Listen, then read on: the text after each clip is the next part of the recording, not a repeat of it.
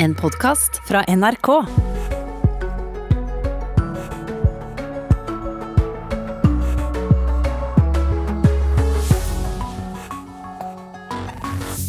Folk med alkoholproblemer vegrer seg for å gå til eh, legen eh, og få hjelp. De frykter de skal miste førerkortet. Det er eh, et av temaene vi skal ta opp i dag. India har passert 200 000 koronadødsfall.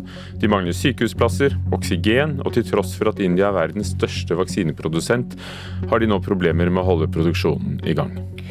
I dag møter Joe Biden i Kongressen for å fortelle om sine første 100 dager som president.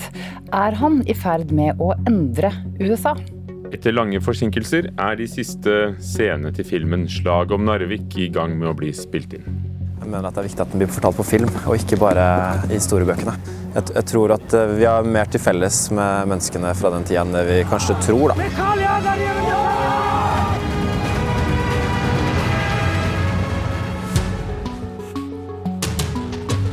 Velkommen til Nyhetsmorgen med Ugo Fermarello og Ida Creed, der det også skal handle om de unges lyst til å bo i distriktene. For det viser seg at eh, nærhet til naturen er mye viktigere enn det forskere tidligere har trodd. Vi ser bilder fra India av køer utenfor sykehusene, folk som får beskjed om å skaffe sin egen eh, oksygen. Helsevesenet er under et enormt press som følge av den siste smittebølgen.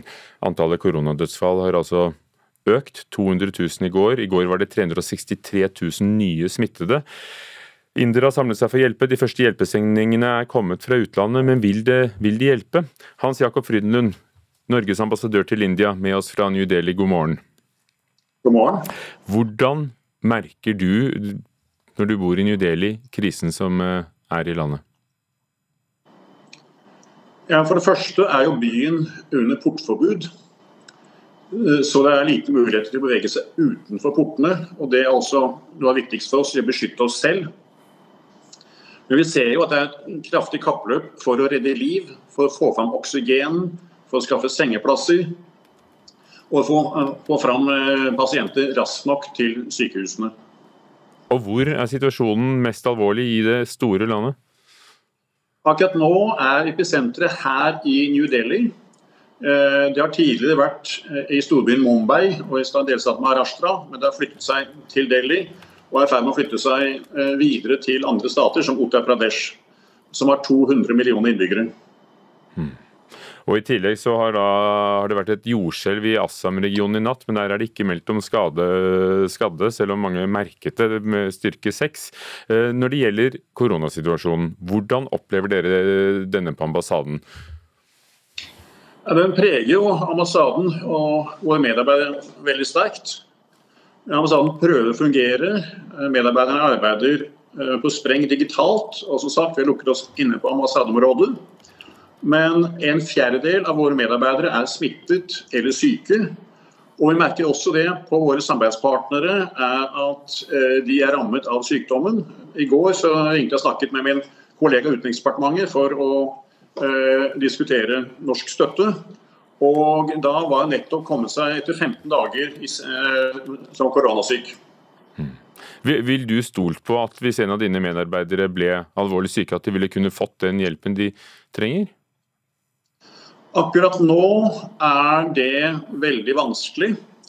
Uh, og vi ser at uh, flere ambassader har måttet evakuere sine medarbeidere. Uh, altså med, med sykeevakuering. Kan det bli aktuelt også for, for Norge? Det vil jeg ikke spekulere i. Hmm.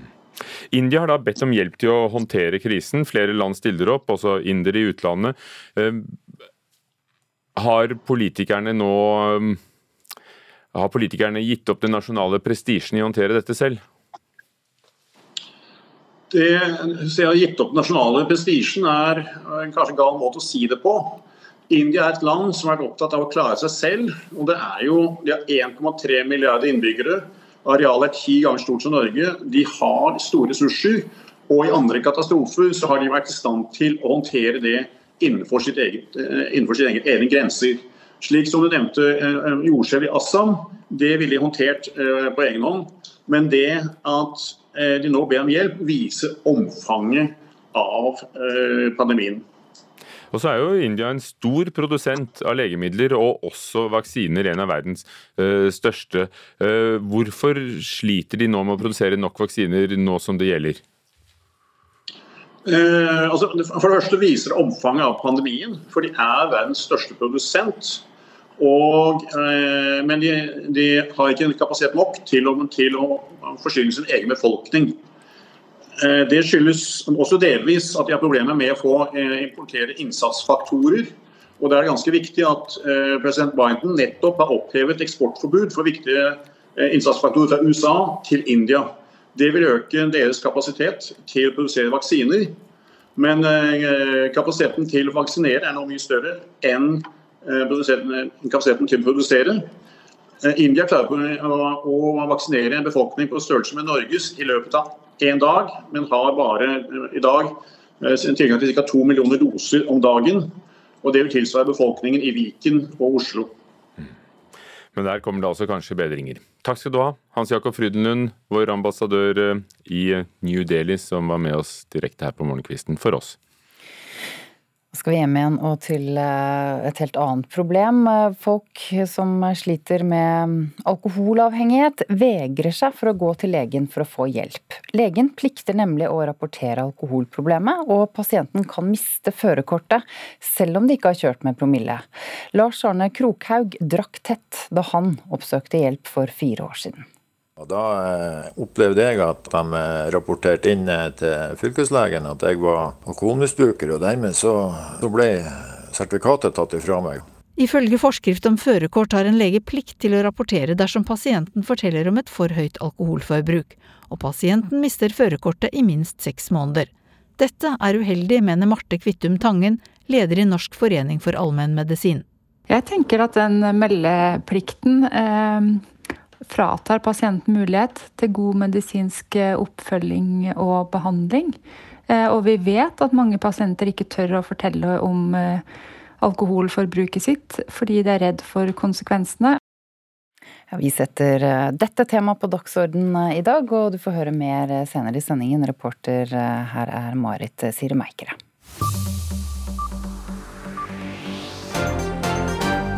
Dette har skjedd i natt. Det siste døgnet er det registrert 524 koronasmittede i Norge. Det er 47 flere enn snittet de siste sju dagene, og 48 flere enn tilsvarende snitt for en uke siden.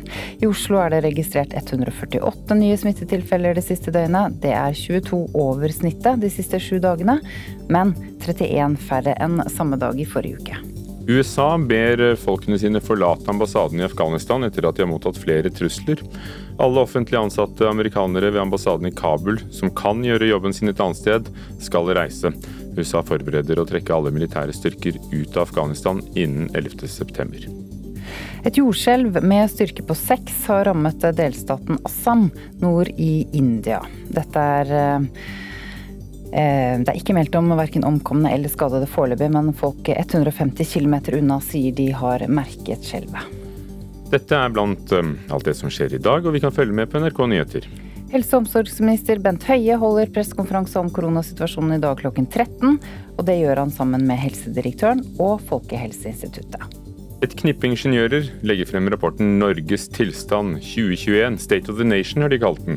Seks år siden sist de gjorde det, har Rådgivende ingeniørers forening kartlagt tilstanden på norsk offentlig infrastruktur og gått gjennom hvordan det står til med vedlikeholdsbehovet for veier, jernbaner, vannledninger, sykehus og skoler og enda mer til. Det brer eh, om seg en slags koronaoptimisme i norske småkommuner. 68% av kommunedirektørene sier de nå tenker annerledes om det å, å jobbe desentralisert fordi, og, det, og, desentraliserte steder, altså steder som ikke er i sentrum, fordi det å ha digitale møter og hjemmekontor kan gjøre det enklere å få folk til å flytte ut av byene. I Måløy vil de skape fremtidens arbeidsplasser i det som har vært en gigantisk fiskebu, og håper å lokke til seg både gründere og ikke minst statlige arbeidsplasser. Det har jo vært fiskemottak her tidligere, da. I sin tid var det største fryseriet på 1950-tallet. Randi Pelsen Humborstad i Måløy Vekst viser rundt i det som en gang var ei fiskebu med yrende liv midt i Måløy sentrum i Kinn kommune. Nå skal fisk byttes ut med fiber, bygget skal få moderne kontorlokaler og romme både bedrifter og forskningsmiljø. Humbårstad tror pandemien har vært en øyeåpner for at folk kan jobbe på andre måter og steder enn før. Dette tror jeg er framtidas kontorløsning. Det at man kan ta med seg jobben og bo hvor som helst i Norge. Men da sitte i den type kompetansemiljøer hvor man har eh, mange andre bedrifter og man har det sosiale, man har møteplasser. Jeg har tro på det. Og spesielt for Distrikts-Norge så tror jeg det er viktig å bygge denne type kompetanseklynger.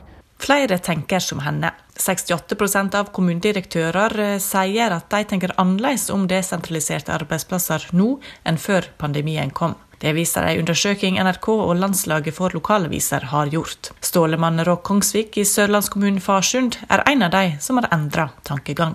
Jeg tenker jo at eh, det vi har lært i dette året her, det bør vi kunne dra nytte av senere.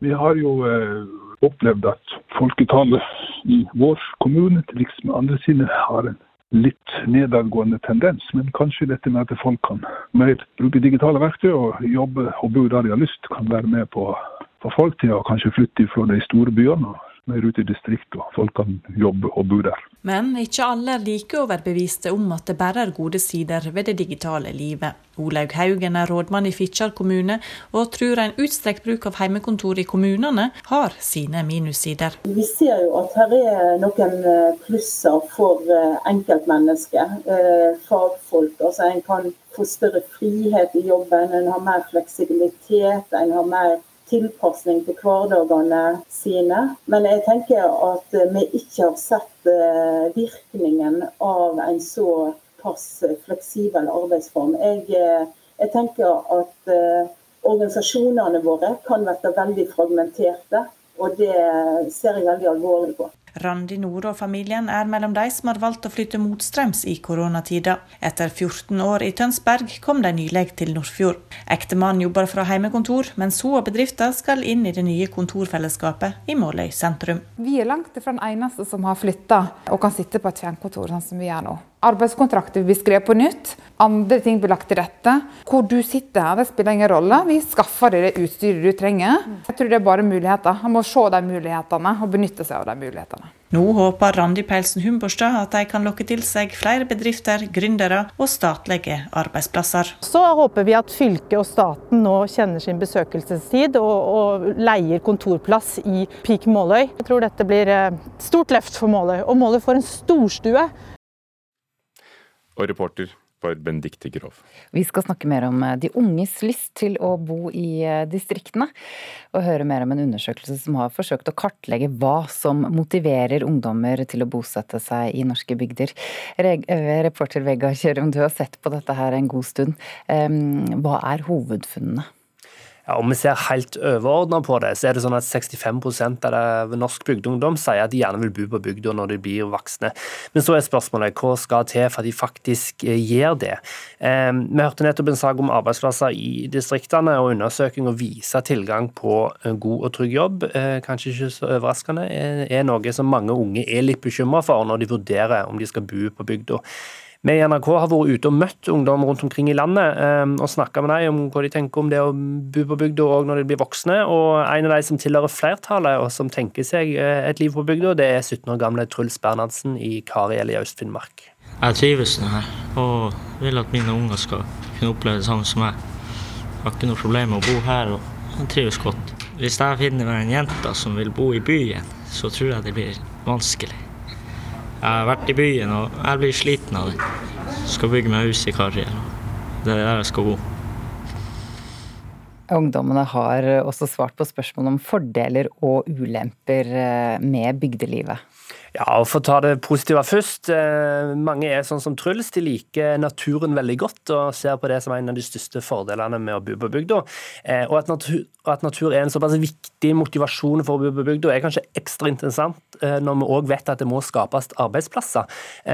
Og i en del tilfeller så kan denne næringsutviklinga gå litt på akkord med naturen. F.eks. i mange fjellkommuner blir det bygd veldig mange hytter, som jo da gir tilgangen til naturen dårligere billigere for de som faktisk bor der òg i ukene. Eh, og så kjenner vi òg til debatten om næringsbygg i strandsonene, eh, og ikke minst vindkraftdebattene, som kanskje har ført til at enkelte bygder blir sett på som mindre attraktive å bosette seg i enn før. Eh, og så I undersøkelsen så svarer også ungdommene på spørsmål om hvordan gjør bygdene mindre attraktive. og Blant de som sier at de ikke ser for seg et liv på bygda når de blir voksne, så er det spesielt tydelig at tilgangen på tjenester er et minus for mange. Og eh, Dette var også noe Camilla Dahl var opptatt av da vi snakket med hun om heimbygda hennes. Hun er 14 år og er fra Sel i Gudbrandsdalen. Eh, kanskje at det blir litt like, mer ting å gjøre, og at det ikke er en så trist plass. Eh, kanskje lage til mer aktiviteter for ungdommer og ordne noen flere butikker og lek. Ikke så mye å gjøre der. Hva sier ungdommene i, i denne undersøkelsen om press fra foreldre og venner når de velger bygda? Ja, for det er jo, altså, Selv om ingen blir tvunget til å bosette seg på bygda, så er det mange som kjenner på et visst press rundt seg. Dette her med fraflytting er et sårt tema i mange norske småkommuner. og Vi må jo også huske at veldig mange bygder de, de mister ungdommen sin når de blir 16 år og flytter på videregående. Så er det en hel generasjon, eller iallfall en ungdomsgenerasjon, som, som ikke er i bygda lenger. Um, og På sånne plasser så er det gjerne et lite press for at den lokale ungdommen skal komme hjem igjen og bosette seg. Uh, og I undersøkelsen så svarer en tredjedel av ungdommene at familiens ønske faktisk påvirker deres valg om hvor de skal bo. Vi har vært på Byremo i Agder og spurt Andrine Rafoss og Ingeborg Verdal om hva de tror foreldrene deres ville sagt om de flytta fra bygda. Jeg vil jo tro kanskje at de hadde blitt litt skuffa i begynnelsen, for det er jo veldig alt er så veldig nært når det er så få som bor her. Men jeg tror det hadde gått greit. Jeg tror de ville ha respektert det, men de vil vel helst ha meg så nærme som mulig. Men de hadde vel skjønt det pga. å få seg jobb. Det er mye lettere i byene, egentlig. Eller mye mer utvalg. Og her er utvalget i Nyhetsmorgen i NRK denne morgenen. Folk i India lider. Landet har nå passert 200 000 koronadødsfall. Mennesker med alkoholavhengighet vegrer seg for å gå til legen for å få hjelp. De frykter de kan miste førerkort. Digitale møter og hjemmekontor kan gjøre det enklere å få folk til å flytte ut av byene. Det er rett og slett koronaoptimisme i norske småkommuner. Og etterspørselen etter munnbind som passer til bunaden tar av i forkant av 17. mai sikkert, men blant bunadsekspertene er det uenighet om munnbindet bør eller ikke bør tilpasses folkedrakten. Vi lagde jo en eh, spørreundersøkelse, en supermåling som vi har kalt den i NRK, med over 11 000 spurte. Og da viste det seg at de små politiske partiene i Norge er langt unna stortingsplass. Bompengepartiet, som gikk kraftig opp i valgkampen i 2019, er nå nesten helt borte fra målingen. Jubel på valgvaken til folkeaksjonen Nei til mer bompenger, FNB, valgnatten 2019. Førstekandidat Trym Aafløy ser tallene skyte til værs på storskjermen som viser valgsendingen til NRK. 41,6 i, i Hordvik. Ja. Noen steder er vi veldig, veldig populære, for å si det sånn. Men i NRKs supermåling, hvor over 11 400 er spurt, er det nesten ingen som svarer at de vil stemme på FNB. FNB er ett av totalt 15 minipartier, som til sammen får 3% i kategorien andre. Altså langt unna stortingsplass. Partileder Cecilie Lyngby sier de har fått klart sitt første nasjonale partiprogram, og tror på bedre målinger. Når det kommer ut og folk blir opplyst om at vi faktisk stille til stortingsvalg, så tror jeg nok at eh, målingene vil endre seg. Andre mindre partier som må dele på de tre prosentene, er bl.a. Demokratene og Pensjonistpartiet. I Finnmark kjemper den nyopprettede listen Pasientfokus for flere sykehustjenester i Alta. Der er Irene Ojala listetopp. Jeg bruker å si at sier jeg ja, så sier jeg ja, og da går jeg inn for det med hud og hår. Det er folket som bestemmer, det er ikke vi. Partiet Sentrum og Partiet De Kristne kjemper om velgerne til KrF. Minipartiene kan utgjøre en forskjell til valget, forklarer valgforsker Johannes Berg ved Institutt for samfunnsforskning. Hvis KrF ligger veldig nært den berømte sperregrensen på 4% så vil jo hver stemme kunne telle. Og alle stemmer som disse partiene da tar fra KrF, kan, kan virkelig få en, en stor betydning. Eh, ved valget, hvis hvis det er nettopp sperregrensen som, eh, som, som, er avgjørende, eller at KrF ligger nært den grensen. Da. Det er lite sannsynlig at de partiene blir valgt inn på Stortinget, men, men for KrF sin del så kan de likevel få stor betydning. Johannesberg. Reporter var Haldor Asvald. Opptakene av filmen 'Slaget om Narvik' måtte settes på pause i fjor, og det førte til økte kostnader på over 11 millioner kroner. Men innspillingen, som handler om det største krigsslaget i norsk historie, er snart i mål, og de aller siste scenene spilles nå inn i Narvik. Malmen vi skiper ut fra Narvik, er etterspurt over hele verden. Det kriges i Europa, men i vår havn ligger engelske og tyske skip fredsommelig side om side. Slaget om Narvik den 9. april i 1940 var det største på norsk jord. I fjor startet innspillingen av filmen som skildrer natten det startet, og de 62 dagene som fulgte.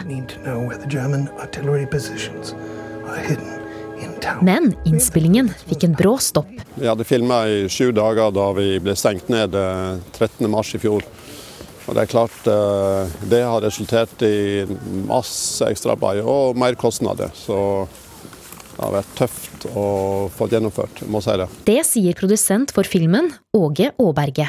Vi snakker om 11,3 eh, millioner ekstra. Så vi er nå på et totalbudsjett på 77 millioner. Nå spiller de inn de siste scenene av filmen. Dette her er en av de største prosjektene jeg har vært med på. og det er helt sikkert. Og det er en film som har både ganske emosjonelle, sterke scener, og den har fantastiske spenningsscener med krigsscener som eh, jeg tror blir ganske autentiske. Hvem har dere rådd? Oss! Vi som har forsvart dere! Hvem var det som forsvarte Ole, da? Carl Martin Eggesbø spiller en av hovedrollene i krigsdramaet. Det er umulig å forstå hele de historiske linjene, men eh, det å forstå eh, Gunnar, da, som jeg spiller, eh, hvordan han kan ha hatt det som menneske, det tror jeg uh, det var utfordrende, men veldig lærerikt. Mange mener at historien om Narvik og de tragiske skjebnene har fått for lite oppmerksomhet. Så jeg har hørt veldig mye om denne historien, og jeg mener at det er viktig at den blir fortalt på film, og ikke bare i historiebøkene jeg, tror at eh, vi har mer til felles med menneskene fra den tida enn det vi kanskje tror. Da. Det som skjedde i og rundt Narvik, det er ikke folk bevisst på. Rett og slett. Er, folk vet at det har hendt noe i Narvik, men de er ikke klar over hvor stort det egentlig er.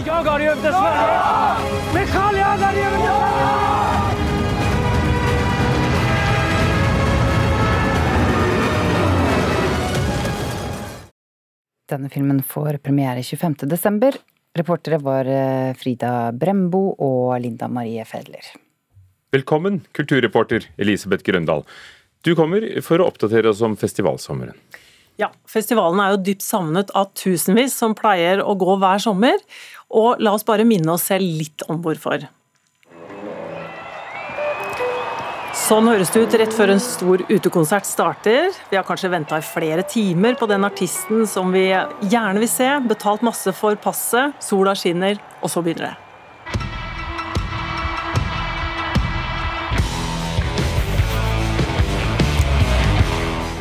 Dette er jo en stemning som, eh, som, vi kjenner i kroppen, og som mange savner. Og frykter at det ikke skal bli noe av denne sommeren heller. Men i går kom resultatene etter et eksperiment i Spania som gjør at eh, ja, det tenner noen håp da, om at det kanskje kan bli noen festivaler likevel. Det aner meg at dette handler om konserten i Barcelona. Ja, de har altså hatt en svær konsert i Barcelona. Eh, forskere sto bak arrangementet med 5000 tilskuere for noen uker siden. I går kom resultatene, og de er gode, mener forskerne. Seks personer testa positivt etter 14 dager etter konserten. Og blant folk i samme aldersgruppe som ikke var på konsert, så ble faktisk dobbelt så mange smitta. Alle burde gå på konsert. Hvor stor avstand måtte publikum holde? Nei, de måtte ikke holde noe avstand. Det er, når du ser på bildene, så blir man litt sånn rørt, nesten. For de står tett i tett. De, liksom, de er litt ville i blikket. Og så har alle munnbind, da, så det er jo litt spesielt. Og alle måtte ta en hurtigtest før de kom inn. Eh, og så var jo dette en konsert som ble holdt ute, det er jo viktig sånn smittevernsmessig. Men vi ser jo hvor glad disse folka er. Med andre ord, det ligger noen håp i resultatene av denne store praktiske undersøkelsen? Ja, jeg tror hjertet banker på mange her nå. Eh, bandet som spilte på eksperimentkonserten, som heter Love of Lesbian, sier at de håper disse flotte resultatene vil føre til at kulturbransjen i hele verden nå blir lyttet til sånn som de fortjener.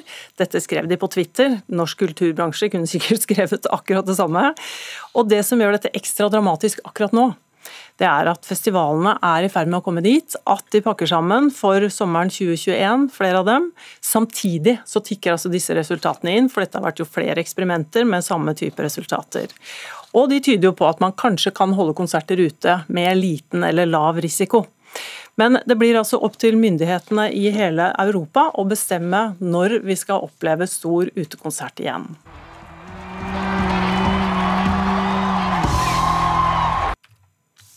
Og sånn var det altså. Barcelona med 'Love of Lesbian'. Så nærmer det seg 17. mai-feiring, det er helt sikkert. Og etterspørselen etter munnbind som passer til bunaden, har tatt av i år. Hos bunadsprodusentene så går symaskinene varme. Men blant bunadsekspertene er det uenighet om munnbindet bør tilpasses bunaden. Symaskina går jevnt og trutt på Bunadshuset i Stavanger. I år har fagansvarlig Rigmor Øvregård det ekstra travelt før 17. mai. Ja, da når denne koronaen kom og det ble nedstengning og vi skulle begynne å bruke munnbind, eh, så kom vi jo på den ideen at nå skal vi begynne å lage munnbind til bunadene. I symaskina ligger et rosa munnbind i strandmønster. Det blir spesialsydd til en rogalandsbunad. Når vi lager disse her munnbindene, da, så bruker vi det samme stoffet som vi lager vest av. Og så fôrer vi det med, med bomullsstoff. Alle kunder får tilbud om et spesialsydd munnbind til bunaden. Og responsen har vært god. Så syns de jo det er kjekt, og så de ja, det har vi lyst til. Vi har lyst til å ha, ha munnbind. Men bunadsekspertene er uenige om hvorvidt munnbindene bør tilpasses de tradisjonelle folkedraktene. Camilla Rossing er leder ved Norsk institutt for bunad og folkedrakt. Hun er skeptisk til å gjøre munnbindet til en del av bunaden. For at En munnbind er et, eh, et hva skal jeg si, nærmest medisinsk utstyr. Eh, det har ikke den, har ikke den verdien som, eh, som, en bunad har, og, og, som jo er et festplagg som, som vi er veldig glade i å hegne om. og da det er vel to veldig forskjellige ting. Eh, så jeg ville behandla munnbindet som et munnbind, eh, og ikke som en del av en festdrakt, rett og slett. Seniorkonsulent ved Jærmuseet Målfrid Grimstvedt er uenig. Hun mener det er uproblematisk å tilpasse munnbindet til bunaden. Til folkedraktene så var vel det aldri en aktuell problemstilling, men hvis de skulle ha løst det, så ville de jo brukt eh, noe som passet til drakten sin, så eh, jeg ser ikke noe stort problem i å lage seg et munnbind som, som passer til bunaden. En bunad er jo, selv om man bygger på folkedrakttradisjoner, eller gamle tradisjoner, så er han òg veldig mye prega av moten til hver tid. Og, og, jeg vil jo si at det er mange andre moteting som kommer inn i bunaden som ikke passer så godt men akkurat dette syns jeg er ok at en tilpasser. Rigmor Øvregård har ikke fått noen negative tilbakemeldinger. Nei, nei, nei. nei. Det er ikke noen. Altså Nå det, har det jo vært denne spesielle situasjonen. Og det er jo noe som vi regner med det er jo en overgang. Eh, så det er ingen som har reagert negativt på det. Tvert imot. Tvert imot. Og det er ikke et brudd på de såkalte bunadsreglene, ifølge Rossing. Det fins jo ikke noen regler når det gjelder bunad. Vi har som nordmenn etablert eh, noen normer som vi gjerne eh, prøver å følge, men det, det fins jo ikke noen regler. Man kan kle seg akkurat sånn som man vil. Og om de ønsker et munnbind som er litt ekstra pynta på 17. mai, så gjør nå gjerne det. Symaskina fortsetter å gå på Bunadhuset i Stavanger, men Rigmor Øvregård har ikke dratt inn de store summene på bunadsmunnen. Vi har i grunnen ikke tatt noe for det. Vi har ikke det. Mm. Selv om det er litt ekstra arbeid, så er det bare sånn ekstra service. Ja. Det sa Målfrid Grimstveit, som er eh, seniorkonsulent ved Gjærmuseet. Reporter var eh, Tuva Hilton. Og man kan altså gjøre som man vil.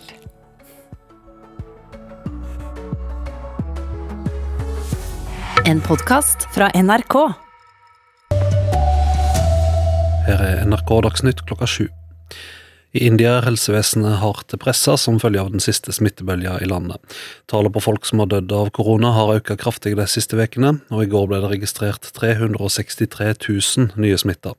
Hans Jakob Frydenlund er Norges ambassadør til India. Han sier situasjonen er svært alvorlig, og at også flere ansatte ved ambassaden er syke.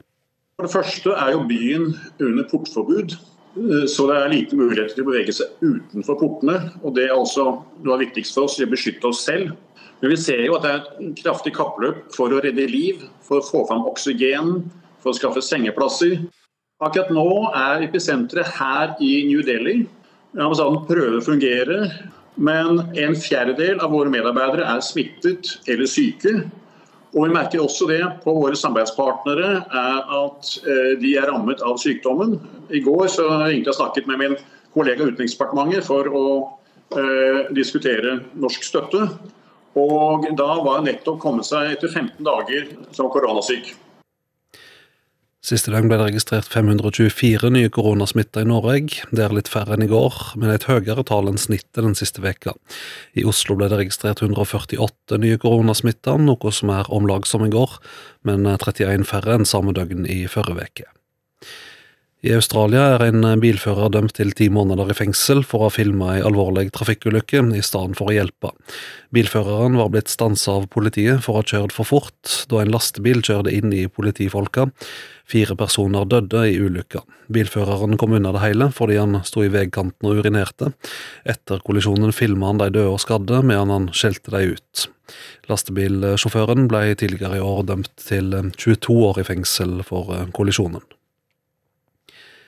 De små politiske partiene i Norge er langt unna en stortingsplass. Det syner den store målinga gjort for NRK, der over 11 000 personer er spurte. Folkeaksjonen Nei til mer bompenger er ett av totalt 15 miniparti, som til sammen får 3% i kategorien andre parti. Men parti som Partiet De Kristne og Partiet Sentrum kan likevel få noe å si ved valget, sier valgforsker Johannes Berg. Hvis KrF ligger veldig nært den berømte sperregrensen på 4 så vil jo hver stemme kunne telle. Eh, og alle stemmer som disse partiene da tar fra KrF, kan, kan virkelig få en, en, stor betydning eh, ved valget, hvis, hvis, det er nettopp sperregrensen som, som, som, er avgjørende, eller at KrF ligger nært den grensen. Da. Det er lite sannsynlig at de partiene blir valgt inn på Stortinget, men, men for KrF sin del så kan de likevel få stor betydning. NRK Dagsnytt var ved Vidar Eidhammer.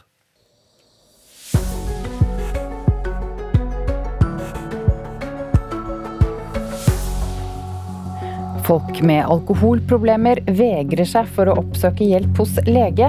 De frykter at de kan miste førerkortet. Og legene ønsker ikke denne varslerrollen som de har. Nå har India passert 200 000 koronadødsfall, og det er bare de offisielle tallene.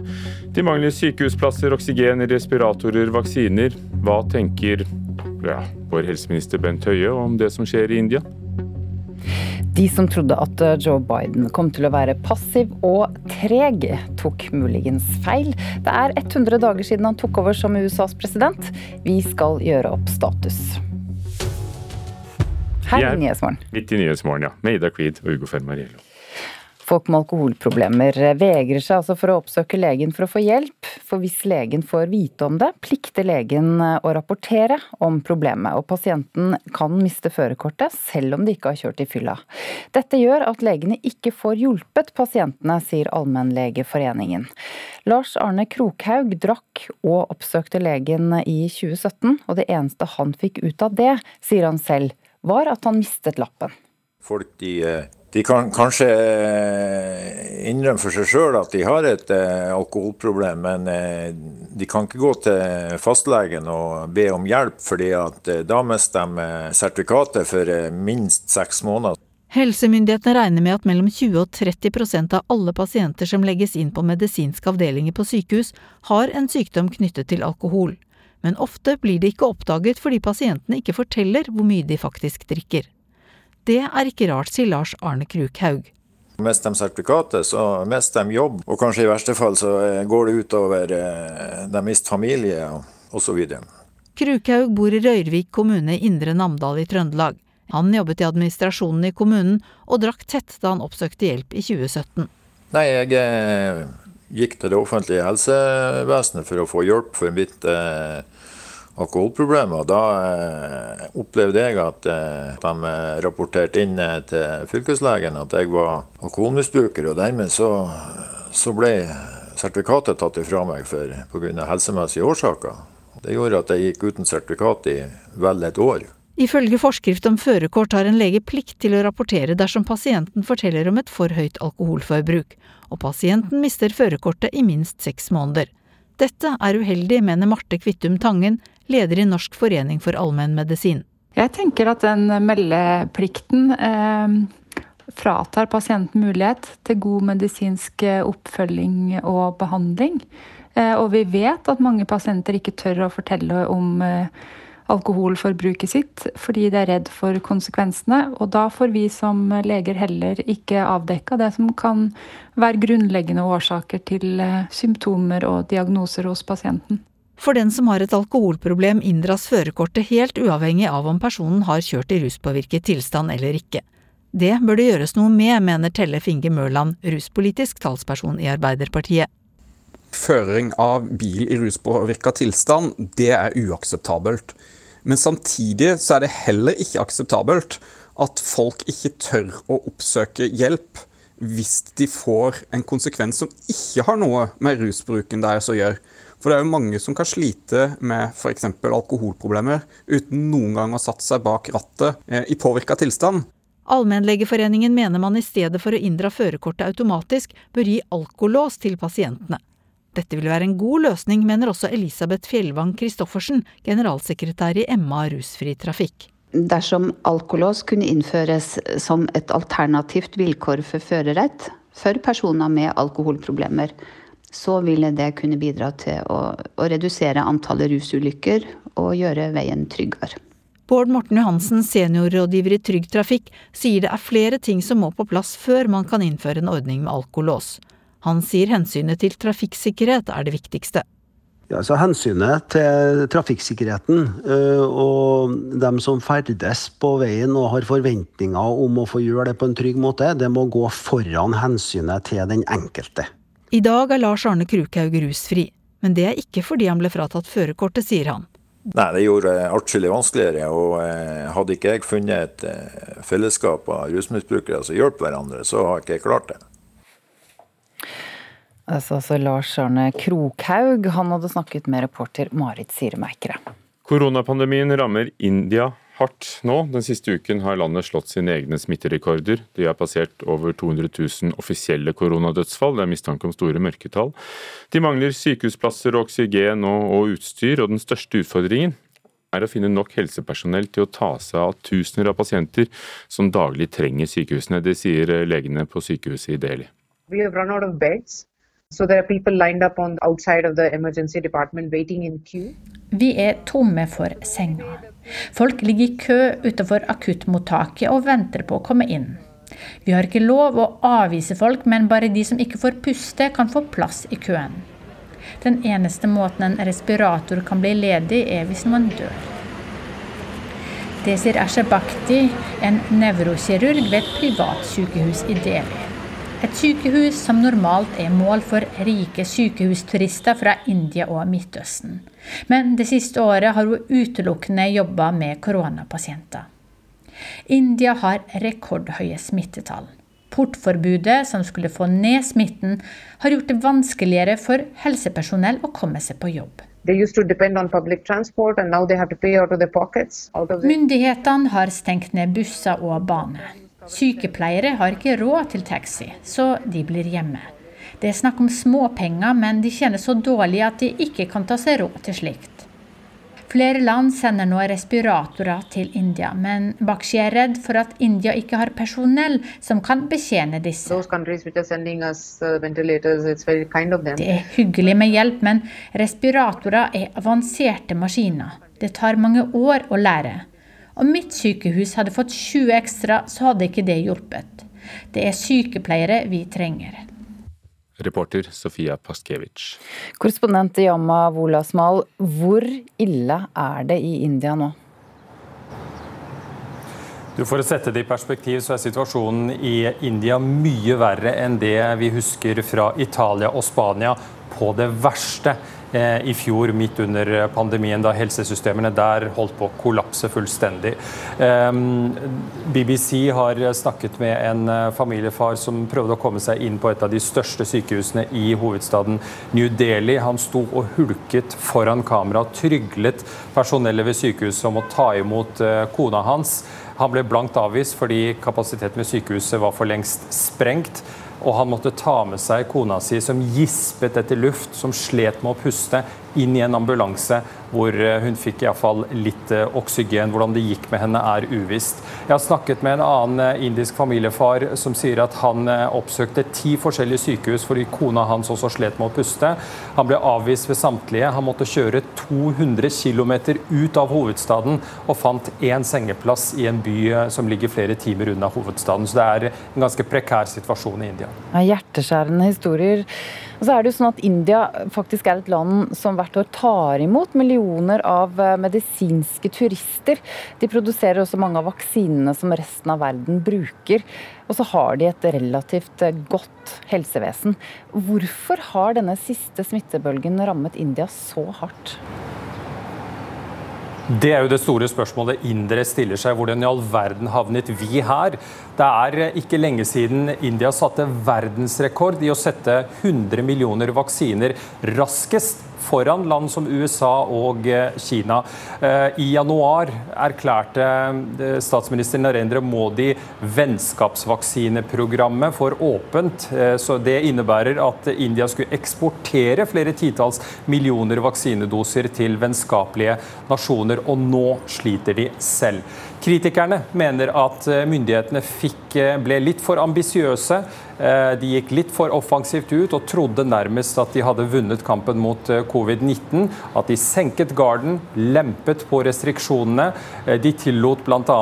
delstatsvalg, at det kunne bli gjennomført. De er nettopp avsluttet i fem delstater. Millioner av indere har stått i kø for å avlegge stemmer. Smitteverntiltakene har ikke vært særlig strenge. De har også tillatt en av de største religiøse festivalene i verden, KOM-festivalen, hvor millioner, eller hundre hundretusener av indere i hvert fall har eh, strømmet til Gangeselven for å bade i elven som de mener er eh, hellig. Og Summen av dette har gjort at de nå sliter med å håndtere krisen. Ja, har myndighetene god nok oversikt over smitten eh, i India nå, eller er dette helt ute av kontroll, Yama? Det er vanskelig å si, men det vi vet er at eh, i, går konstaterte de 320 000 smittetilfeller. Det er en liten nedgang, bitte liten nedgang i forhold til uh, forgårs. Men dette skyldes, ikke fordi, dette skyldes ikke at tilfellene har blitt færre, men eh, at testkapasiteten er fullstendig sprengt. Man får ikke testet flere, laboratoriene har ikke kapasitet. og Derfor antar man at det er store, store mørketall i smitten i India. Og det vi vet nå er at 200 000 mennesker har dødd av eh, koronaviruset i India. Eh, hele verden sender hjelp. Hva slags hjelp er det snakk om? Ja, det er snakk om alt fra respiratorer, oksygen, de sender helsepersonell. WHO sender 2500 helsepersonell som skal hjelpe til med å sette vaksiner i eh, India. Eh, det er snakk om remdesivir, denne covid-medisinen. Men som dere hørte i innslaget, så er det akutt mangel på noe som de ikke får, nemlig helsepersonell. Er, de er overarbeidet, de sliter. Det er mange som er utbrent, som ikke orker å jobbe. Og så har du dette praktiske problemet med portforbudet i byer som Delhi, som har gjort at de eh, helsearbeiderne, sykepleierne som ønsker å bistå, ikke kommer seg på jobb fordi bussene de står stille pga. Eh, portforbudet. Så her er det lag på lag med kriser som har gjort at India nå står overfor sin verste helsekatastrofe noensinne. Takk for at du var med, korrespondent Yama Wolasmal. Helse- og omsorgsminister Bent Høie, hvilke tanker gjør du deg når du hører om denne smitteoppblomstringen i India? Nei, Det er jo utrolig trist det som vi ser skjer i India. og India er et land som jeg har vært imponert over måten de har håndtert dette på tidligere. Det er jo et veldig stort land, med mange mennesker som bor, bor tett. og Likevel så har de da vært i, i, stand til å faktisk hjelpe mange andre i denne situasjonen. Men nå med denne bølgen så har de blitt veldig hardt rammet. Så det er veldig bekymringsfullt det som skjer, skjer i India nå. For å vende blikket hjem. I Oslo har uh det sosialt vært så å si stengt siden november, og så vaksineres det samtidig. Og status nå er at vi som helhet er rundt 6 fullvaksinert, er er det ikke sånn? Jo, men heldigvis er det betydelig større andel i Oslo som har fått første dose. Og vi vet jo nå at første dose beskytter veldig bra. Det er jo En av årsakene til det er jo at vi òg har gitt en større andel av vaksinene nettopp til Oslo og til de bydelene som har vært hardest rammet. Så Der er en jo nå i gang med å vaksinere folk i 40-årene, mens en stort sett i resten av landet vaksinerer folk i 60- og 70-årene. Men ikke stor nok, ifølge byråd Robert Steen i går på pressekonferansen, som bønnfalt øh, deg, staten, om flere vaksiner, og, og foreslo at Oslo kunne fått én ukes uh, behov, doser. Én uke av Norges doser til Oslo. Hva, hva synes du om det forslaget? Jeg forstår at Oslo også ønsker flere vaksiner. Heldigvis kommer det jo flere vaksiner til Norge framover. Og så er dette noe av det som eh, FHI nå ser på. Eh, og da er det nok sånn at eh, et av spørsmålene er jo òg ikke nødvendigvis om Oslo skal få enda flere vaksinedoser, for de får nå en større andel. Men det er òg en del andre kommuner som har hatt vedvarende høy smitte, som ikke har fått en større andel vaksinedoser. Så Det er, de det er helt utelukket, det med én uke eh, Nei, det, jeg sier ikke at noe utelukket, men jeg sier at dette er noe av det som FHI nå eh, ser på. Så er det jo sånn at alle forstår at det vil jo da hindre fremdriften i vaksineringen i de delene av landet der en ikke har fått vaksinert så mange av de risikogruppen som det en har fått gjort i Oslo. I går snakket vi med Ivar Hornland Christensen, administrerende i Virke, som forteller at det viktigste for mange er å komme i jobb. Vi må huske på det at eh, vi har stått så lenge i det at, eh, for, en del av disse virksomhetene nå, men ikke minst de ansatte de har òg, så er det Jeg snakka med, med, faktisk en på et hotell i går som nesten grein når jeg snakka med vedkommende, for det var første dag han var tilbake igjen på jobb etter så mange måneder.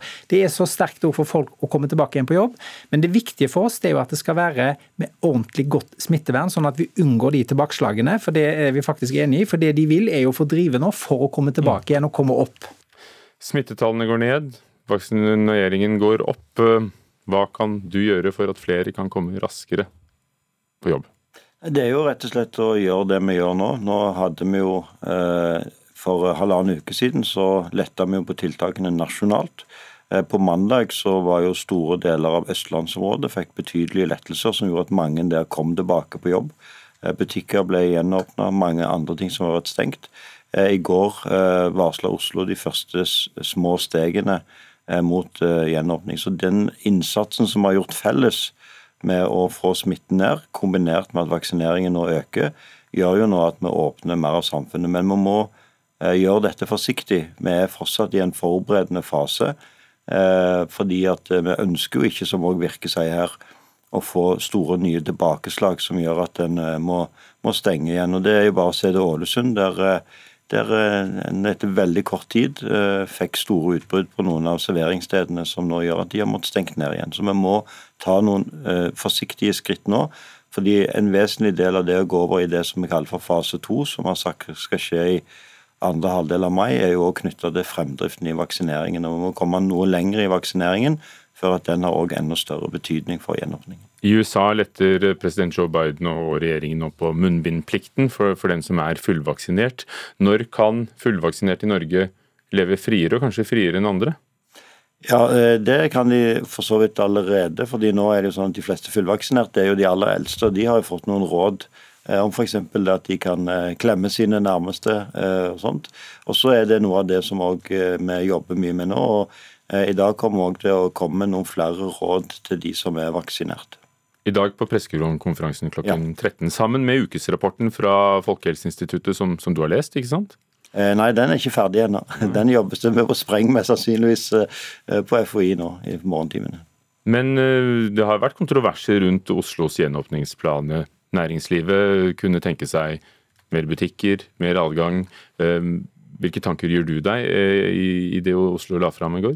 Jeg mener at det var klokt. og det er også sånn at Vi mot slutten av denne uka skal vurdere tiltakene i kommunene nord for Oslo, som henger veldig sammen med Oslo. Eh, og det å se dette i en sammenheng, som også byrådslederen sa i går, eh, det, det er fornuftig. Og så er det jo sånn at eh, Oslo har heldigvis hatt en veldig positiv utvikling nå, men de har likevel nå et smittenivå som er mye høyere enn det noen av oss ville ha akseptert for et Hvis vi ser tilbake til august i fjor, f.eks. Takk, Bent Høie. Klokken er 7.20. Dette er NRKs Nyhetsmorgen. Vi har disse hovedsakene i dag. Folk med alkoholproblemer vegrer seg for å fortelle legen om dem. De kan miste førerkortet.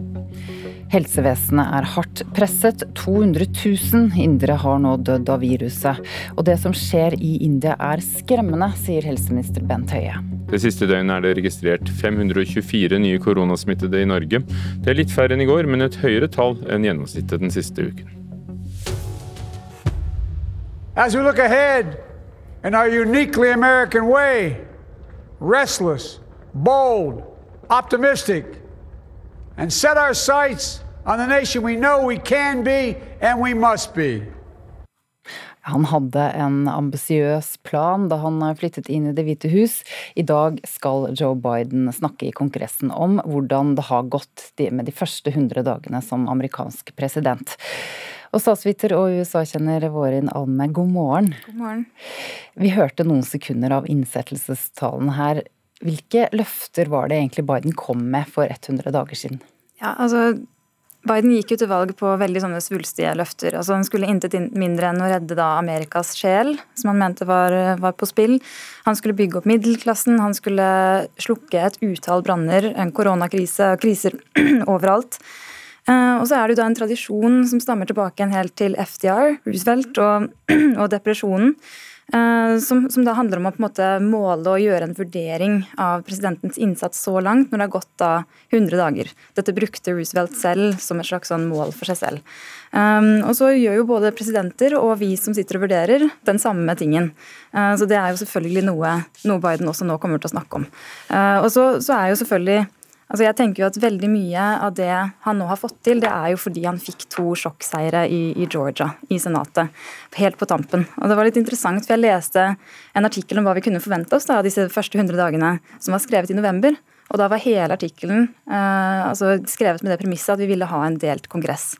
Og Da er det klart, da er det mye mindre du kommer til å klare. Da kommer du ikke til å få, få gjennom disse store pakkene som, som Biden eh, har, har klart, og kommer sannsynligvis til å klare. For ser det ut til at han er i ferd med å endre USA? Om ikke annet så er han altså han har gjort, fått til imponerende ting så langt. Det å få gjennom eh, en, en koronapakke på 1,9 billioner dollar med et samlet parti, riktignok uten republikanske stemmer. Det å, å få, få, til et sånt vaksineprogram vi har sett, er intet annet enn imponerende. Og så ser vi da ham i, i, samarbeid med lederne i, i, Kongressen, altså Chuck Schumer og Nancy Pelosi, jobber med eh, det vil si er veldig sånn en selvsikkerhet. Altså Det virker som de har en, en plan her, og de trør eh, veldig støtt eh, frem. Um, også når de blir da kritisert for ikke uh, å være tverrpolitisk orientert nok, som var et av Bidens løfter. Jeg tror du mange er overrasket over innsatsen til Biden og det han har fått til? Ja, og det er nok også noe av det som har hjulpet ham. Altså at han, han, hadde relativt lave forventninger. En ting er at Vi snakket mye om, om, alderen hans, og det var kanskje en bommert Trump også gjorde i valgkampen. Å på en måte senke forventningen uh, på den måten. Uh, og så er det klart at Washington Det er ikke lenge siden 6. januar, angrepet på Kongressen. Vi har uh, et kjempevanskelig politisk klima i Washington. Mange har tvilt på at det det hele tatt er mulig å få til noe som helst. Og da er det lite annet enn imponerende å få til det han faktisk har fått til. Men han får også kritikk, og innvandring er et stikkord her. Ja. Eh, innvandring er et kjempevanskelig tema, og et der Biden nok også kanskje ikke var helt forberedt på at det kom til å bli så vanskelig. Um, det er en økning i, i eh, altså innvandring på grensen, og, særlig da barn som kommer alene og som dermed ikke kan deporteres. Biden rullet jo tilbake mye av Trumps politikk på, på dette punktet, og da Eh, kan det ha forårsaket rett og slett en økning? Altså at flere stolte på at de ikke ville bli møtt med en såpass tøff, tøff respons eh, på amerikansk side. Hvordan ligger Joe Biden an på meningsmålingene? Han ligger relativt eh, bra an, og han har gjort det jevnt over. Og Det er jo også noe han bruker nå selv som rett og slett et suksesskriterium. Altså, jeg gikk til valg på å skulle samle landet, hele landet. Eh, han ligger kanskje ikke like høyt som, som noen av de mest populære, men, men, det er fortsatt bra å ligge såpass godt an i det klimaet som, som nå var gitt. Da. Han har altså lykkes på, på, viktige ting som vaksiner eh, og, og, denne gigantiske redningspakken. Så for å oppsummere, kan du gi ham et, et terningkast? Altså, En god terningkast fem, tenker jeg. Altså, og så må vi bare ha med oss at det, det blir vanskeligere. Eh, så langt så har han eh, gått fremover med et samlet parti, noe som er imponerende i seg selv. Men nå tikker det mot mellomvalg i 2022 og selvfølgelig også presidentvalget i 2024. Eh, da vil det både bli vanskeligere å roe gemyttene, innvandring vil bli en av sakene som blir en skillelinjesak, og det blir vanskeligere å holde partiet samla. Og Senere i dag skal vi også høre Joe Biden snakke i Kongressen om eh, disse første 100 dagene sine. Takk for at du kom hit, Vårin Alme. Og så har vi en fast spalte for norsk politikk. Politisk kvarter kvart på åtte her i Nyhetsmorgen. Bjørn Myklebust, du gjentar deg selv?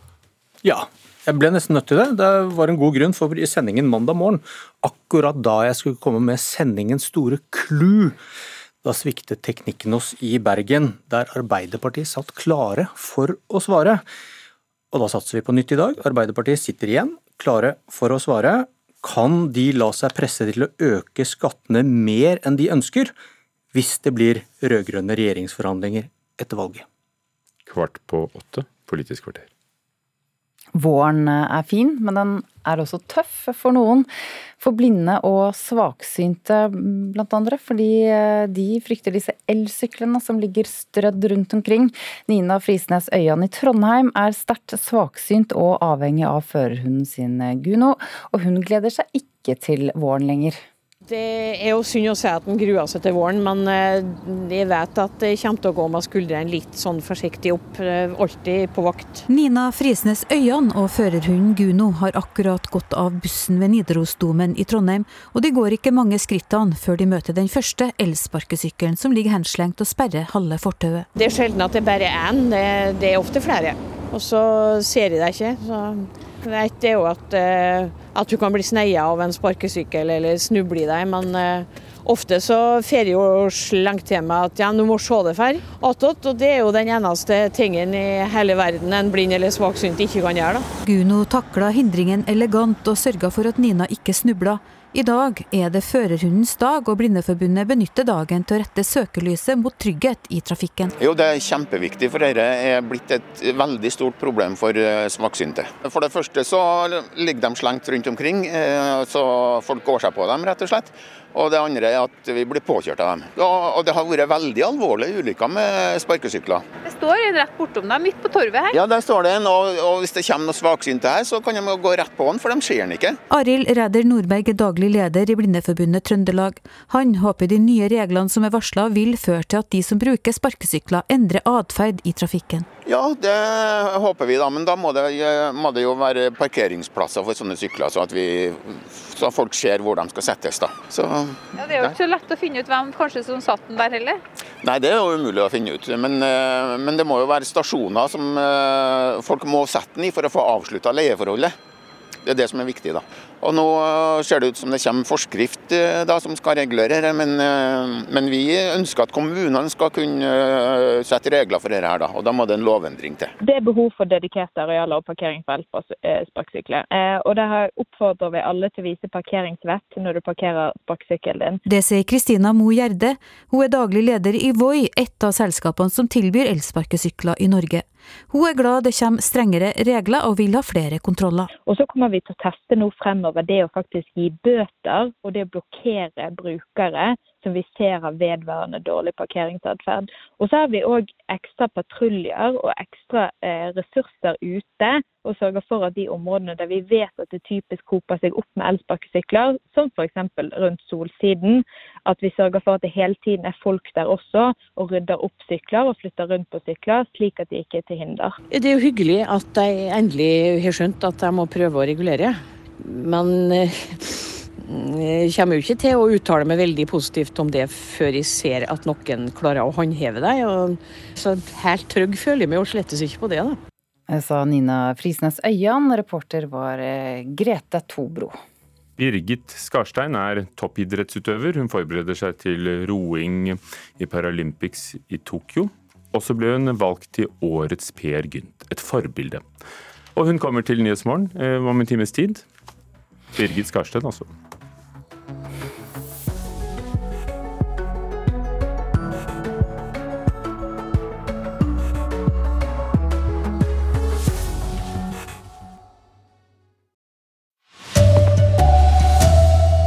Folk med alkoholproblem vegrer seg for å fortelle legen om det, for da kan de miste lappen. India mangler sykehussenger, oksygen, utstyr og helsepersonell. Koronasituasjonen i landet er svært alvorlig.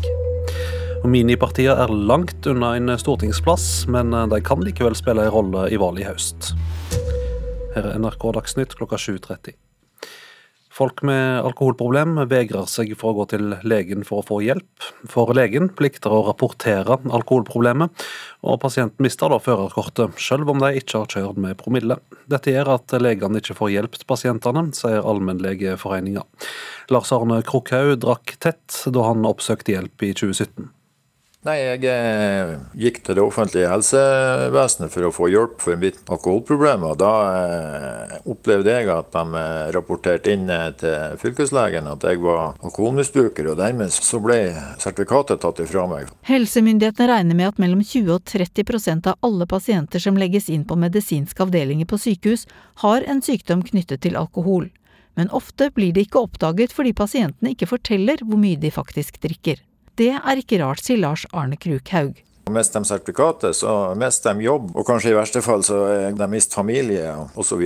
Ifølge forskrift om førerkort har en lege plikt til å rapportere dersom pasienten forteller om et for høyt alkoholforbruk, og pasienten mister førerkortet i minst seks måneder. Dette er uheldig, mener Marte Kvittum Tangen, leder i Norsk forening for allmennmedisin. Fordi det gjør det vanskelig for oss eh, å bygge den tilliten eh, vi er avhengig av å ha hos eh, pasienten, sånn at de kan åpent fortelle om hva som kan være årsakene til plager. For den som har et alkoholproblem inndras førerkortet helt uavhengig av om personen har kjørt i ruspåvirket tilstand eller ikke. Allmennlegeforeningen mener man i stedet for å inndra førerkortet automatisk, bør gi alkolås til pasientene. Dette vil være en god løsning, mener også Elisabeth Fjellvang Christoffersen, generalsekretær i MA rusfri trafikk. Dersom alkolås kunne innføres som et alternativt vilkår for førerrett, så ville det kunne bidra til å redusere antallet rusulykker Bård Morten Johansen, seniorrådgiver i Trygg Trafikk, sier det er flere ting som må på plass før man kan innføre en ordning med alkolås. Hensynet til trafikksikkerheten det må gå foran hensynet til den enkelte. Reporter Marit Sirum Eikre. Den siste veka har smittetallene i India vært svært høye. Det mangler sykehussenger, oksygen og respiratorer. Den største utfordringa er å finne nok helsepersonell til å ta seg av tusenvis av pasienter, sier en lege på et sykehus i New Delhi.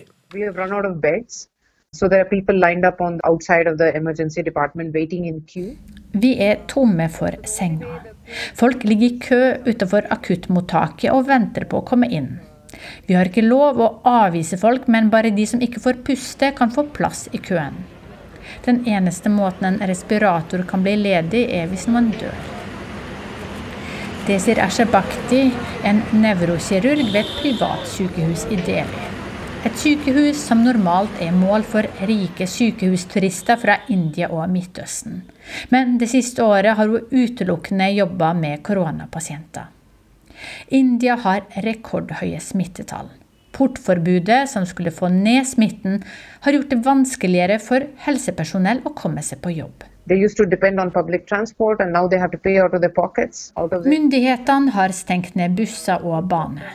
Sykepleiere har ikke råd til taxi, så de blir hjemme. Det er snakk om småpenger, men de tjener så dårlig at de ikke kan ta seg råd til slikt. Flere land sender nå respiratorer til India, men Bakshi er redd for at India ikke har personell som kan betjene disse. Uh, Det er hyggelig med hjelp, men respiratorer er avanserte maskiner. Det tar mange år å lære. Om mitt sykehus hadde fått 20 ekstra, så hadde ikke det hjulpet. Det er sykepleiere vi trenger. Reporter var uh, Sofia Paskiewicz. Her hjemme ble det registrert 524 eh, nye koronasmitta siste døgn. Det er litt færre enn i går, men et høyere tall enn snittet den siste veka. I Oslo ble det registrert 148 nye koronasmitta. Det er om lag som i går, men 31 eh, færre enn samme døgn i forrige uke. Regjeringa og helsestyresmaktene holder pressekonferanse om koronasituasjonen klokka 13 i dag. Munnbind som passer til bunad har blitt populært. Ja, bunadsprodusentene går nå symaskinene varme, men bunadsekspertene er ikke samlet om munnbind bør bli tilpassa festkleder. Symaskina går jevnt og trutt på Bunadshuset i Stavanger. I år har fagansvarlig Rigmor Øvregård det ekstra travelt før 17. mai. Ja, da når denne koronaen kom og det ble nedstengning og vi skulle begynne å bruke munnbind, Eh, så kom vi jo på den ideen at nå skal vi begynne å lage munnbind til bunadene. I symaskina ligger et rosa munnbind i strandmønster. Det blir spesialsydd til en rogalandsbunad. Når vi lager disse her munnbindene, da, så bruker vi det samme stoffet som vi lager vest av. Og så fôrer vi det med, med bomullsstoff. Camilla Rossing er leder ved Norsk institutt for bunad og folkedrakt. Hun er skeptisk til å gjøre munnbindet til en del av bunaden. Munnbind er et, et hva skal jeg si, nærmest medisinsk utstyr. Eh, det har ikke den, har ikke den verdien som, eh, som, en bunad har, og, og, som jo er et festplagg som, som vi er veldig glad i å hegne om. og da, Det er vel, to veldig forskjellige ting. Eh, så jeg ville behandla munnbindet som et munnbind, og ikke som en del av en festdrakt, rett og slett. Seniorkonsulent ved Jærmuseet Målfrid Grimstvedt er uenig. Til folkedraktene så var vel det aldri en aktuell problemstilling. Men hvis de skulle ha løst det, så ville de jo eh, brukt eh, noe som passet til drakten sin. Så eh, jeg ser ikke noe stort problem i å lage seg et munnbind som, som passer til bunaden. Det sa Målfrid Grimstvedt, som er seniorkonsulent ved Jærmuseet, reporter Tuva Hilton. De små politiske partiene i Norge er langt unna en stortingsplass. Det syner den store målinga gjort for NRK, der over 11 000 personer er spurte. Folkeaksjonen Nei til mer bompenger, som ble en maktfaktor ved førre kommunevalg, er nær fraværende på målinga. Jubel på valgvaken til folkeaksjonen Nei til mer bompenger, FNB, valgnatten 2019. Førstekandidat Trym Aafløy ser tallene skyte til værs på storskjermen som viser valgsendingen til NRK. 41,6 i, i Hordvik. Ja. Noen steder er vi veldig veldig populære, for å si det sånn. Men i NRKs supermåling, hvor over 11 400 er spurt, er det nesten ingen som svarer at de vil stemme på FNB. FNB er ett av totalt 15 minipartier, som til sammen får 3% i kategorien andre altså langt unna stortingsplass. Partileder Cecilie Lyngby sier de har fått klart sitt første nasjonale partiprogram, og tror på bedre målinger. Når det kommer ut og folk blir opplyst om at vi faktisk stiller til stortingsvalg, så tror jeg nok at eh, målingene vil endre seg. Andre mindre partier som må dele på de tre prosentene, er annet Demokratene og Pensjonistpartiet. I Finnmark kjemper den nyopprettede listen Pasientfokus for flere sykehustjenester i Alta. Der er Irene Ojala listet opp. Jeg bruker å si at sier jeg ja, så sier jeg ja, og da går jeg inn for det med hud og hår. Det er folket som bestemmer, det er ikke vi. Partiet Sentrum og Partiet De Kristne kjemper om velgerne til KrF. Minipartiene kan utgjøre en forskjell til valget, forklarer valgforsker Johannes Berg ved Institutt for samfunnsforskning. Hvis KrF ligger veldig nært den berømte sperregrensen på 4% så vil jo hver stemme kunne telle. Reportere Haldor Asvald og Håvard Grønli. Det er blanda kjensler i kulturlivet etter at gjenåpningsplanen for Oslo ble lagt fram i går. De ser et snev av håp, men også utenfor Oslo er de nå utålmodige. Noe er vi veldig glad for. Vi er glad for at vi får lov å ta inn skoleelever eh, etter hvert her. Det sier teatersjef Erik Ulfsby ved Det Norske Teatret. Og så er nok både vi og, og store deler av kulturlivet fortsatt både litt skuffa og litt overraska over hvor langt ned på, på listen vi kommer. NRK fortalte forrige uke at nedstenginga i Oslo fører til filmtørke for kinoene i resten av landet. For når filmer ikke kan vises i Oslo, er det for mye penger å tape på å vise de andre steder. Administrerende direktør i Bergen kino, Jeanette Heggeland, mener derfor åpninga av Oslo haster. Vi føler jo sakte, men sikkert at tingene går rett vei. Vi er bare veldig utålmodige på å få eh, disse filmtitlene ut i, også i våre store kinohus. Da. Og det, det, er faktisk kritisk for oss at vi får filmtitler som publikum har lyst til å se. Reporter var Ida Yasin Andersen. Ansvarlig for eh, denne sendinga var Jan Ree Mikkelsen, og i studio Vidar Eidhammer.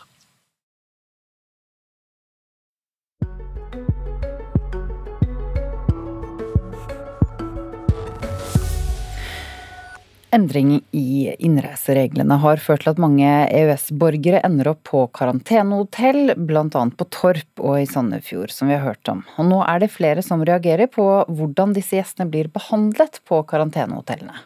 Og vi reagerer sterkt, for da er disse personene blitt eh, fratatt helt grunnleggende rettigheter. Advokat Lina Smorr snakker om EØS-borgere som venter på å bli bortvist fra Norge. I den siste tida har det blitt skrevet mye om EØS-borgere som ikke slipper inn igjen i Norge. De tilbringer tid på karantenehotell medan de venter på retur.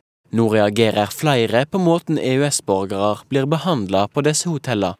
Der har vi opplysninger eh, fra flere personer vi har vært i kontakt med eh, i tilsvarende situasjon, hvor alle forteller at de i perioden de da har vært på karantenehotell, har vært underlagt eh, kontroller, eh, altså vakthold, og ikke fått lov til å forlate hotellets område overhodet. Ifølge Smorr er det ikke samme praksis for vanlige karantenegjester og EØS-borgere i påvente av retur. Ifølge regjeringa har gjester på et karantenehotell lov til å være utenfor hotellet sitt område så lenge de ikke er i nærkontakt med andre en ikke bor med. NRK har mellom annet fått inn tips om personer som har blitt truga med bot hvis de forlot rommet, dårlig informasjon om utreise og retningslinjer, og en mor som ikke fikk kjøpe bleier og morsmjølkerstatning til sønnen sin.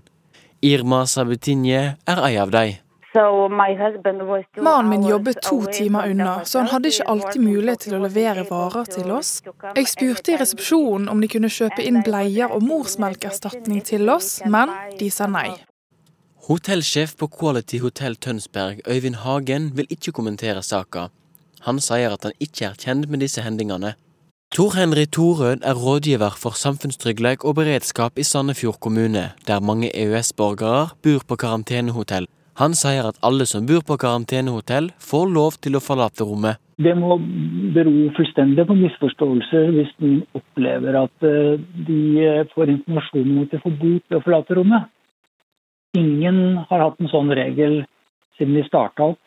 Torød sier at reglene er like for både vanlige karantenegjester og EØS-borgere i påvente av retur.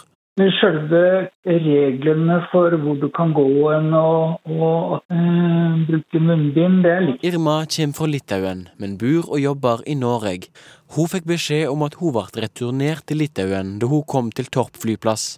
Hun sier at tida på karantenehotell var krevende. Det var veldig vanskelig.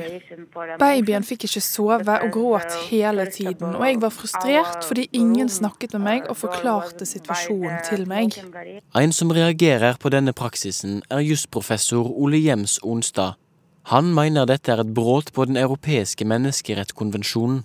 Og Når det gjelder dette å internere folk, altså sånn uh, sperre folk inne, som jo uh, koronahotell er, og i tillegg så gir man jo faktisk en ekstrastraff for noe skal betales, så betyr jo det at du får en bot. og det, Dette er det nokså klare regler om i Den europeiske menneskerettskonvensjon, artikkel 5. At du kan ikke gjøre, altså myndighetene kan ikke gjøre det uten at uh, det er en dommer eller domstolslignende prosess.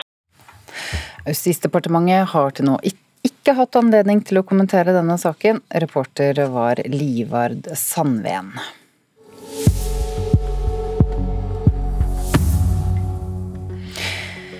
Nå er det straks tid for Politisk kvarter. Det er Bjørn Myklebust som er programleder i dag, og det skal handle om skatt. Dette er vi opptatt av ellers i dag. Folk med alkoholproblemer vegrer seg for å fortelle legen om det, for da kan de miste førerkortet. India mangler sykehussenger, oksygen, utstyr og helsepersonell. Koronasituasjonen er veldig alvorlig, og denne morgenen melder BBC at eh, så mange som 200 000 har dødd av koronaviruset i India til nå under pandemien. Minipartiene er langt unna en stortingsplass, men eh, de kan likevel spille en rolle i valget til høst til høsten. Og så kan vi jo ta med at eh, vi eh, får eh, en gjev gjest etter klokken åtte. Birgitte Skarstein kommer, hun har nemlig blitt kåret til årets Per Gynt.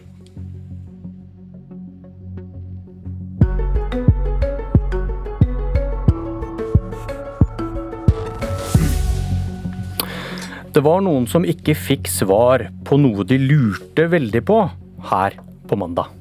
Så har Arbeiderpartiet gitt en skattegaranti. En skattegaranti, Hvis det er slik at de har gitt en garanti, hva blir eh, skattepolitikken etter valget? Ja, vi prøver å fullføre det vi startet på, og som finansministeren lurte som på. For SV håper å presse Arbeiderpartiet til å øke skattene mer enn de hadde tenkt hvis det blir et regjeringsskifte? Eller er det Arbeiderpartiet har kommet med, en Skattegaranti. Du kan ikke få Chartersveien på NRK hver dag, men debatt om skatt annenhver morgen i Politisk kvarter? Absolutt. For etter SVs landsmøte, som vedtok flere dyre velferdsreformer, var et av spørsmålene hvis det blir regjeringsforhandlinger mellom Arbeiderpartiet og SV etter valget, hvordan får de råd til alt? God morgen, Eigil Knutsen, du sitter i finanskomiteen på Stortinget for Arbeiderpartiet. God morgen, god morgen. Du satt klar i studio i Bergen for å svare på alt dette mandag morgen, men ble et offer for teknisk havari hos oss. Men nå har vi kontakt, det er godt å se og høre. Du, eh, hva er det dere garanterer velgerne i skattepolitikken hvis dere får makt?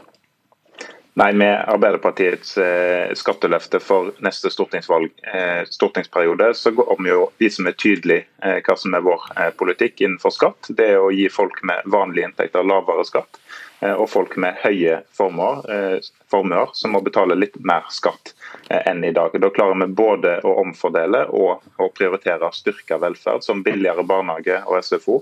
Eh, styrke sykehusene våre, det har vi behov for ut av eh, pandemien. Styrke kommunesektoren. Eh, viktige satsinger som blir nødvendige etter åtte år med Høyre-styre, hvor vi også har fått et skattesystem som er mindre omfordelende enn det var da Torbjørn Røe Isaksen og Høyre overtok. Men deres opplegg er altså skattekutt på 1,8 milliarder på inntektsskatten til det dere kaller vanlige folk. Dere sier om avgifter, skal en avgift opp?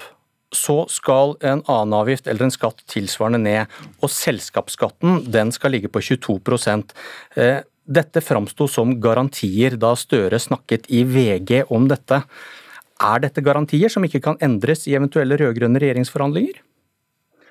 Ja, Det er tydelig, eh, et tydelig skatteløfte fra Arbeiderpartiet. og Vi har ambisjoner om å lede en ny rød-grønn regjering etter valget, hvis eh, velgerne gir oss tillit til det. Eh, og Det har jeg store forhåpninger om at de gjør. Eh, og Da blir det jo viktig å ha et skattesystem som er mer omfordelende, men også er forutsigbart. Eh, og da er forutsigbart i form av at vanlige folk skal betale mindre. Og så ligger selskapsskatten i ro. Det har vært en prioritering nå ut av pandemien at bedriftene og næringslivet har en forutsigbarhet inn i neste stortingsperiode. Mens de som eier store aksjeformuer privat, Eh, de eh, må betale mer skatt enn i dag. Eh, og vi går på en måte tilbake til innretningen på formuesskatten som den lå da Stortinget gjorde et skatteforlik for noen år siden, sånn at en får omfordelt mer verdier i Norge. Men prøv å være helt klar i svaret. Er de tallene og det opplegget Arbeiderpartiet skisserer her, en absolutt garanti? Det skal ikke endres i forhandlinger? Ja, dette er et tydelig løfte. Eh, vi har kalt det et skatteløfte, men det er et tydelig løfte eh, som, som gjør at eh, hvis velgerne gir oss tillit til å lede en ny regjering, så kommer vi til å legge dette til grunn. Og Vi hadde også et tilsvarende løfte i 2005 da vi gikk til valg, og det løftet holdt vi i åtte år. Og Vi har også tenkt å holde dette skatteløftet overfor velgerne, for velgerne fortjener forutsigbarhet for hvilken skatt de skal få, i motsetning til hva du får på høyresida f.eks., der er det veldig ulikt eh, om hvor mye de ulike partiene skal kutte i skatten. Eh, og Det må jo da følges av tilsvarende kutt eh, i velferd og offentlig sektor, som de nekter å svare på hvor de skal hente de pengene. Men da kan vi jo legge til at i 2005 så hadde dere 10 prosentpoeng større oppslutning enn det dere har nå. Men du, du sier dette er garantier. Din partileder Jonas Gahr Støre sa før landsmøtet jeg kan ikke forskuttere resultatet av en forhandling om skatteopplegget til Arbeiderpartiet?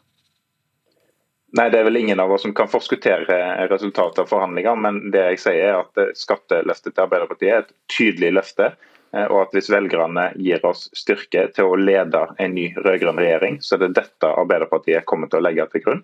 Nettopp for å sikre forutsigbarhet og eh, bedre omfordeling i skattesystemet.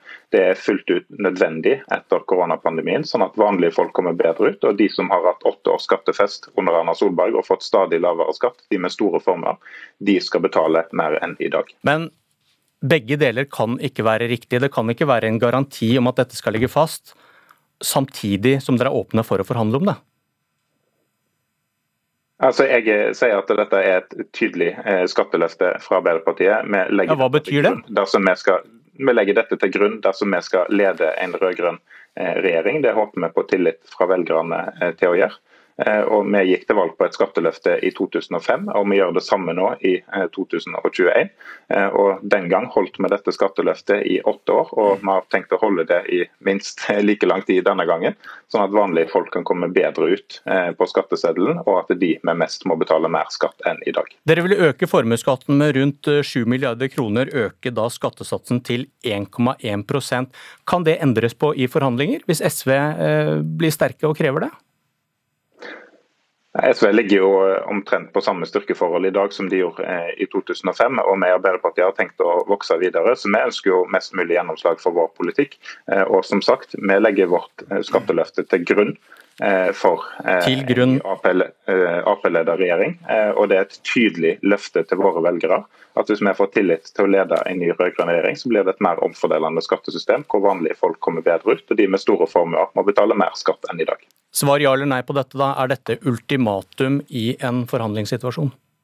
Ja, Dette blir en svært viktig sak for Arbeiderpartiet. Det er ikke det samme. Er det ultimatum i en forhandlingssituasjon? Jeg, jeg skal ikke sitte og forhandle eh, regjeringsplattform, men dette er en svært viktig sak for Arbeiderpartiet. Å sikre at det blir forutsigbarhet og mer omfordeling. Det gjorde vi i 2005, og da gjaldt dette skatteløftet i åtte år. Eh, og det har vi tenkt eh, å holde igjen. Ok. Arbeids- og sosialminister Torbjørn Røe Isaksen fra Høyre. Mhm. Hva sier du nå? Nei, Jeg sier at eh, jeg skjønner godt at eh, det er vel Senterpartiet som ikke engang vil ha med SV i eh, regjering. Og SV sier jo de sier jo, det, de sier jo noe av det samme. For de sier jo også at det er et veldig klart og tydelig løfte, prioritert politikk fra SV, at vi skal ha 22 milliarder i skatteøkninger. Så tror jeg ikke de får 22 milliarder i skatteøkninger.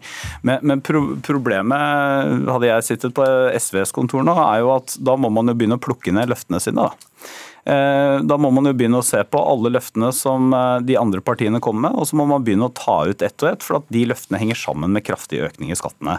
Så Det er jo enten sånn at eh, Audun Lysbakken og SV må begynne å avlyse sine dyre løfter fordi Arbeiderpartiet stiller et ultimatum, eller så er det sånn at det ultimatumet er ikke så tydelig.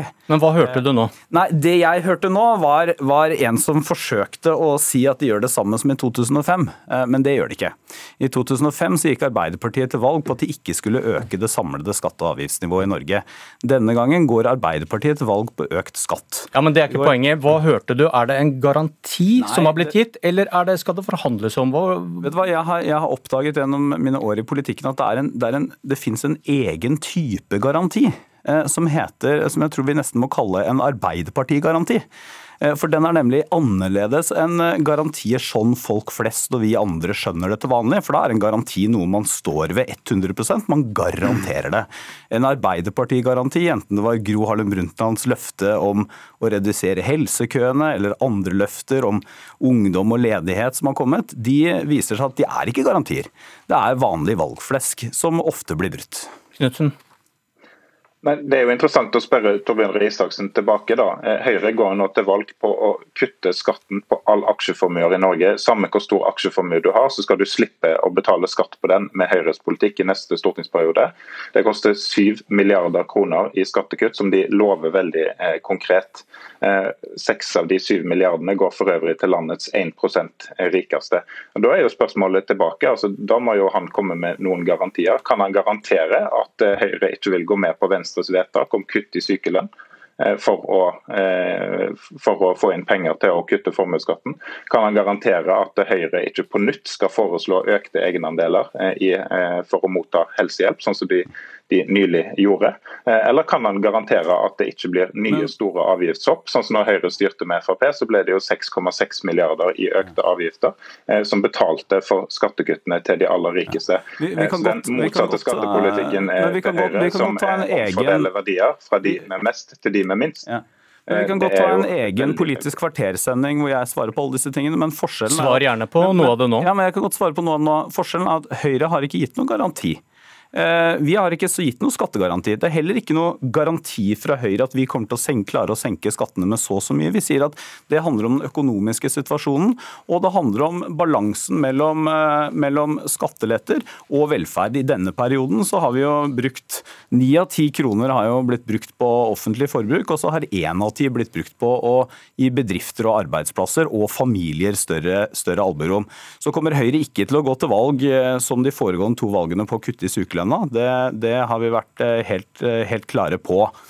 Men, men, men, men hvis, jeg kan, hvis, jeg, hvis, jeg kan, hvis, jeg kan, bare plukke opp dette, så er det jo, er det jo sånn at det, det, det, det, oppsiktsvekkende med det Arbeiderpartiet gjør nå Eller oppsiktsvekkende oppsiktsvekkende, det er liksom to ting som er verdt å henge seg ved. Det ene er at Arbeiderpartiet lover jo økt skatt for mange lønnsmottakere, og så garanterer de høyere skatt for norsk eierskap arbeidsplasser i Norge i praksis midt i en rekordhøy krise. Det andre er at de har ikke nå en politikk som henger sammen. Det er ikke mulig for f.eks. SV å få gjennomført sine valgløfter. Det er vel knapt mulig for Arbeiderpartiets uten at skattene må øke mer. Og Det har jo også Støre åpnet for i Aftenposten og andre steder. Han sier at det blir en økning på 7 milliarder i første runde, men de er åpen for mer økning i skattene etter hvert. Men det skal da gå rett på okay. norske eiere og arbeidsplasser midt i en rekordhøy ledighet. Knutsen, en sluttreplikk på det. Nei, Nå hørte jeg en arbeidsminister fra Høyre som ikke kan garantere at sykelønnen skal eh, stå fast neste periode. det tror jeg ikke du hørte da. Jeg hørte en arbeidsminister som ikke kunne gi noen garantier mot å kutte sykelønn i neste periode. Eh, et forslag som kommer fra partiet de samarbeider tettest med i eh, regjering. Eh, og så ønsker Arbeiderpartiet et mer omfordelende skattesystem. Høyres stadige formuesskattekutt, også gjennom pandemien, har jo sørga for at seks av sju milliarder går til landets 1 rikeste. Det er omvendt Robin Hood-politikk. Det skaper ikke flere arbeidsplasser, kanskje tvert imot. Det bare skaper økte forskjeller. og Ut av pandemien så trenger vi faktisk å å styrke velferden eh, og få ned forskjellene mellom folk. Mens okay. Høyres politikk er en oppskrift på det motsatte. Politisk kommentator i NRK, Magnus Takvam, god morgen. Morning. Hei. Hvordan har debatten om skatt utviklet seg over tid? Den har jo, eh, For det første så er jo det konsentratet av politikk på mange måter. Både når det gjelder eh, fordeling i samfunnet, verdiskaping, skaffe penger til velferdsstaten. Så det er et veldig viktig område i politikken. Og det har eh, mye å si for det vi kaller vanlige folk. Og det har svingt. Altså I 2001 eh, så vant f.eks. Høyre valget i stor grad pga. sin eh, skattepolitikk. Eh, de tapte det kanskje av samme grunn fire år etterpå. Arbeiderpartiet i 2017 med 15 milliarder som tak som, i økt skatt tapte kanskje valget delvis pga. det. Så Dermed så, så ser vi at uh, skattepolitikken og den oppfatning folk har av de ulike regjeringsalternativenes linje der, er, er veldig utslagsgivende. Hvordan vurderer du Arbeiderpartiets forhold til skattepolitikken nå? Det de har gjort, er jo, tror jeg, for så vidt å prøve å lære av det som eh, skjedde i 2017, da mange oppfattet eh, dette taket på 15 milliarder nærmest som et løfte om at det, det kommer skattene til å øke med. Dermed har de konsentrert seg om den biten av skattepolitikken som handler om fordelingspolitikk og kamp mot ulikhet, ved å senke eh, skattene til de under 750 000, ved å øke formuesskatten og ved å garantere at en økt avgift skal gi en redusert avgift på andre områder. Og Når det gjelder da svaret på verdiskaping i denne pakken og penger til velferdsstaten, så er det generelle svaret at det kommer gjennom å øke sysselsettingen og få verdiskapingen opp. Så hva kan skje med skattenivået hvis det blir regjeringsforhandlinger der Arbeiderpartiet og SV sitter rundt bordet? Nei, denne garantien er jo vanskelig å ta 100% bokstavelig, siden de, tre, de, partiene som vil ha regjeringsskifte, ikke har en erklært plattform på forhånd. Så det ligger litt i sakens natur. Men Senterpartiet og Arbeiderpartiet ligger hverandre nærmere, så veldig mye avhenger av hvordan dette ender hvis det blir regjeringsskifte. Hvor sterke da venstresiden og SV blir på dette området. Takk, Magnus Takvam. Dette var Politisk kvarter. Jeg heter Bjørn Myklebust.